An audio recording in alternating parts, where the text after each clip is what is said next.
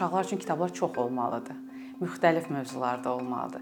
Azərbaycanda var uşaqlar üçün illüstrasiyalı kitablar. Əksəriyyəti amma onların tərcümədir.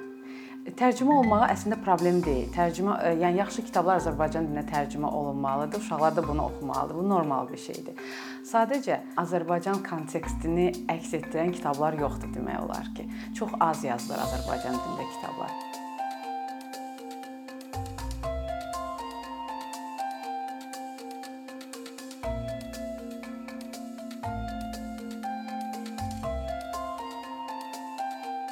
Mən bir dəfə Neil Gaimanın ingilis fantasının e, intervyusunu oxuyuram.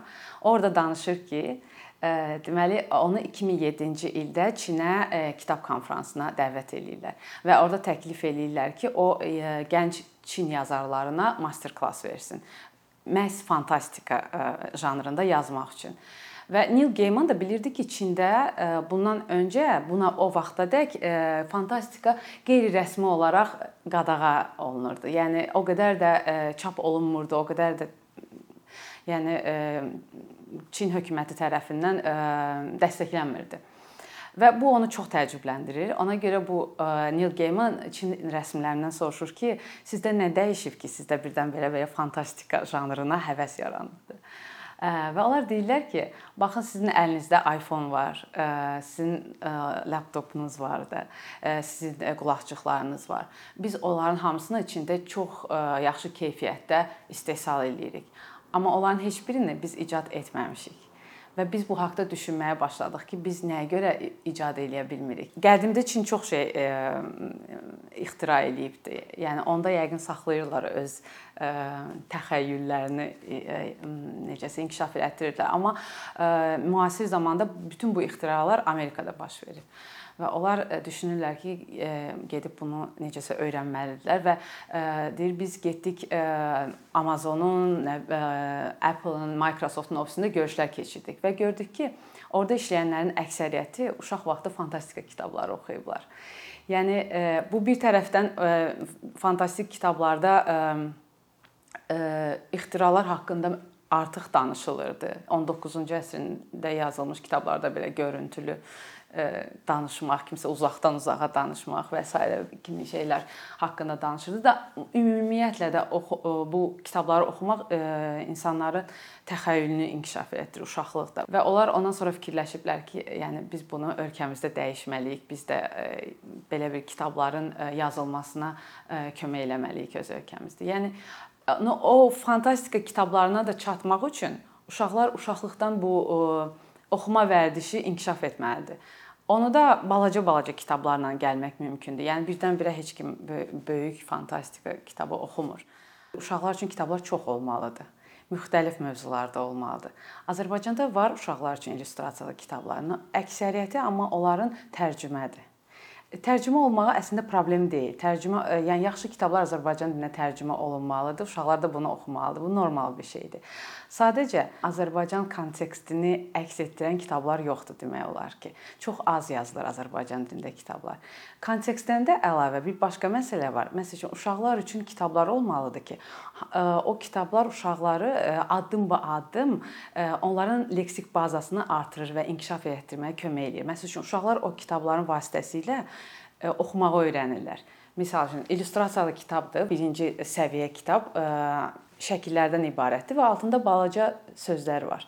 Və sonra o birisi səviyyədəki kitabda bir cümlə var.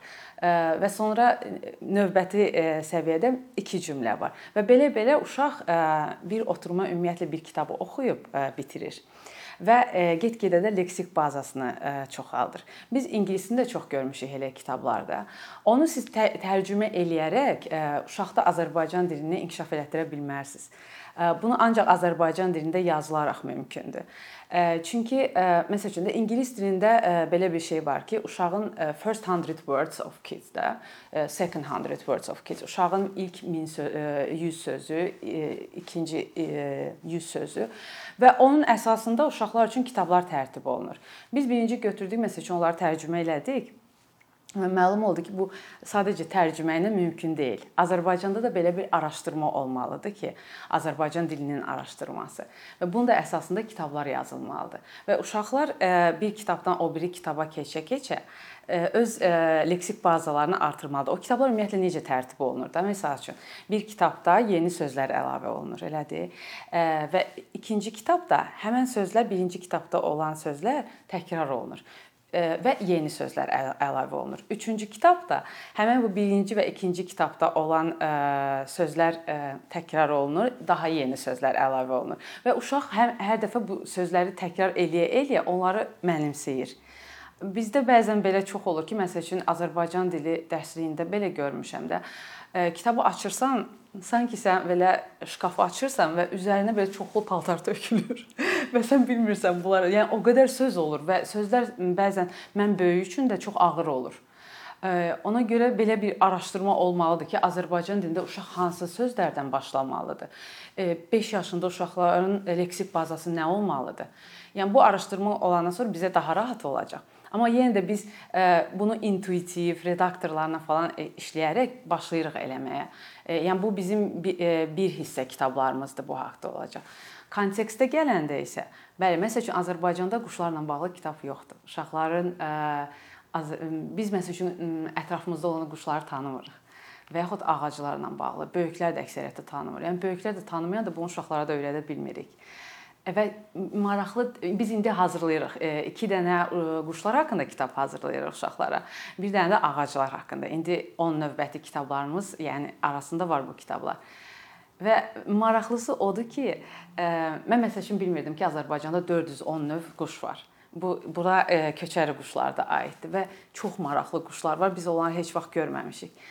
Biz indi həmən 410 haqqında kitab hazırlamayacağıq, amma bunu bölmüşük. Birinci kitabımız məsəl üçün uşaqlara çox maraqlı olan bunu Zülfü Fərəcli konsepsiyasını təklif eləmişdik. Gəlin ən-ən quşlardan eləyək. Məsəl üçün ən sürətli quş Azərbaycanda, ən ağır uçan quş. Bizdə bir dovdaq quşu var, 22 kilo, o bizə qışlamağa gəlir. Və məsəl üçün mən bilmirdim onun haqqında. Yəni uşaqlar bunu haqqında öyrənəcək. Maraqlı odur ki, biz e, bəzən ancaq tanıdığımız quşları görürük də ətrafda. Bir neçə dənə quş tanıyırıq. Sərçə, qarğa. Məsələn, mən elə bilirdim e, qarğaların yanında qış, qışda qara quş görürsüz də. Mən elə bilirdim o qara qarğadır. Qara qarğa deyil, zağcadır. Bizdə qara qarğa yoxdur Azərbaycanda. Sən demə və qalanların isə ətrafımızdadır, amma biz onları görmürük. Mən onu hardan bildim? Biz oturub uşaqlarla bu kitabların konsepsiyasını hazırlayanda oturub şəkillərə baxırdıq. Və çoxlu şəkillərə baxandan sonra cürbəcür quşların mən Bakıda bundan öncə görmədiyim quşları görməyə başladım. Bu çox maraqlıdır. Yəni təsəvvürünüzə gətirin ki, uşaqlar da bunu kitabda görür və sonra ağaclarda görməyə başlayır.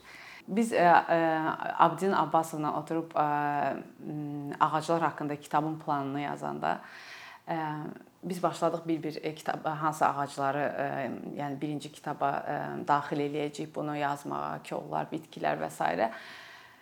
Və mən onları yazdıqca birdən-birə hiss elədim ki, mən ölkəmi daha çox sevməyə başlayıram.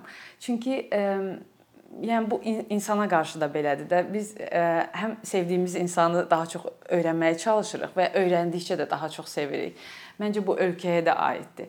Sən aid olduğun yeri e, bilmədən sevmək çox çətindir. Amma ə, e, onu öyrəndikcə ki, bizdə Azərbaycanda falan ağaclar var, falan ə, e, rayonlarda, məsəl üçün Lənkəranda ə, e, relikt və endemik ağaclar var. Niyə məhz orada var? Mən bu haqqda yazacağıq misal üçün və bunu öyrəndikcə bunlar sanki başa düşürsən ki, bunlar sənə aiddir, sən də bura aidsən. Bu Azərbaycan hələ balacadır. Sonra başa düşürsən ki, sən həm də bu dünyaya aidsən. Məncə bunun üçün çox vacibdir uşaqların yerli kontekstdə kitabları oxumağı biz hamımız böyüyüb ə, müxtəlif peşələrə sahib oluruq, elədir və ə, peşələrə qarşı sevgidə uşaq vaxtı keçirdiyin emosiyalarla çox çox ə, əlaqəlidir. Və məsəl üçün bir çox insanların, alimlərin, bilməm, ə, yazıçıların siz onların bioqrafiyasını oxuyanda görürsüz ki, çox vaxt onlar danışırlar ki, uşaq vaxtı filan şey mənə belə təsir eləmişdi. və o təsiri sonra böyük həyatına aparırlar. Mənə elə gəlir ki, indi Azərbaycanda təhsildə indi deyəcəklər bu da təhsil eksperti çıxdı başımıza. bu ə, həyəcan ə, ə, həyəcan ə, əksikliyi var. Biz daha çox belə ə, yönəlmişik məsəl üçün məntiqə. Mən demirəm bu lazım deyil də, amma ə, Azərbaycanda uşaqlar çox yaxşı ə, riyaziyyat, fizika biliyinə malikdir və bu çox vacibdir. Amma məncə maraq, həyəcan, məsələn, uşaqların içində qığılcım yaratmaq və bu qığılcımı qığılcım üçün bu alov sönməsin deyə onun ətrafında oksigen yaratmaq bu çatışmır. Bunu isə cürbəcür kitablarla eləmək mümkündür. Yəni çox fərqli mövzularda, yəni kosmosdan başlayaraq, yəni ağaclara qədər və bizim belə bir ambisiyamız var ki, biz belə bir kitabları, yəni yüzlərlə uşaqlar üçün kitabları eləyək və uşaqlar müxtəlif maraqlandığı mövzularda yəni kitab mağazalarından və yaxud məktəbdəki kitabxanadan kitab tapıb götürə bilsinlər. Mən niyə düşünürəm ki, biz özümüz kitablar yazmalıyıq? Bu çox önəmli məsələdir. Çünki Əgər biz ancaq tərcümə eləyəcəksə, uşaqlar həmişə kitabların üzərində xarici müəlliflərin adını oxuyacaq. Və bu istər-istəməz şuuraltı belə bir fikrə gətirir ki, uşaqları biz kitab yaza bilmirik, biz kitab illüstrasiya eləyə bilmirik. Bunu ancaq xaricdə bacarırlar. Və bu uşaqların özlərinə də təsir eləyir. Çünki ola bilər ki, hansısa uşağın içində bir yazıcı böyüyür, bir illüstrator, rəssam böyüyür və s. Və mənə elə gəlir ki, o, o əgər orada Azərbaycanlı adı oxuyursa, onda demək ki, on, o özünə aid eləyə bilər bunu. Və misal üçün hətta biz düşünürük ki, kitabları çap eləyəndən sonra uşaqlar illüstratorlarla görüşə bilsin, yazıçılarla görüşə bilsin. Bu bu təmas da çox təsir eləyir uşaqlara.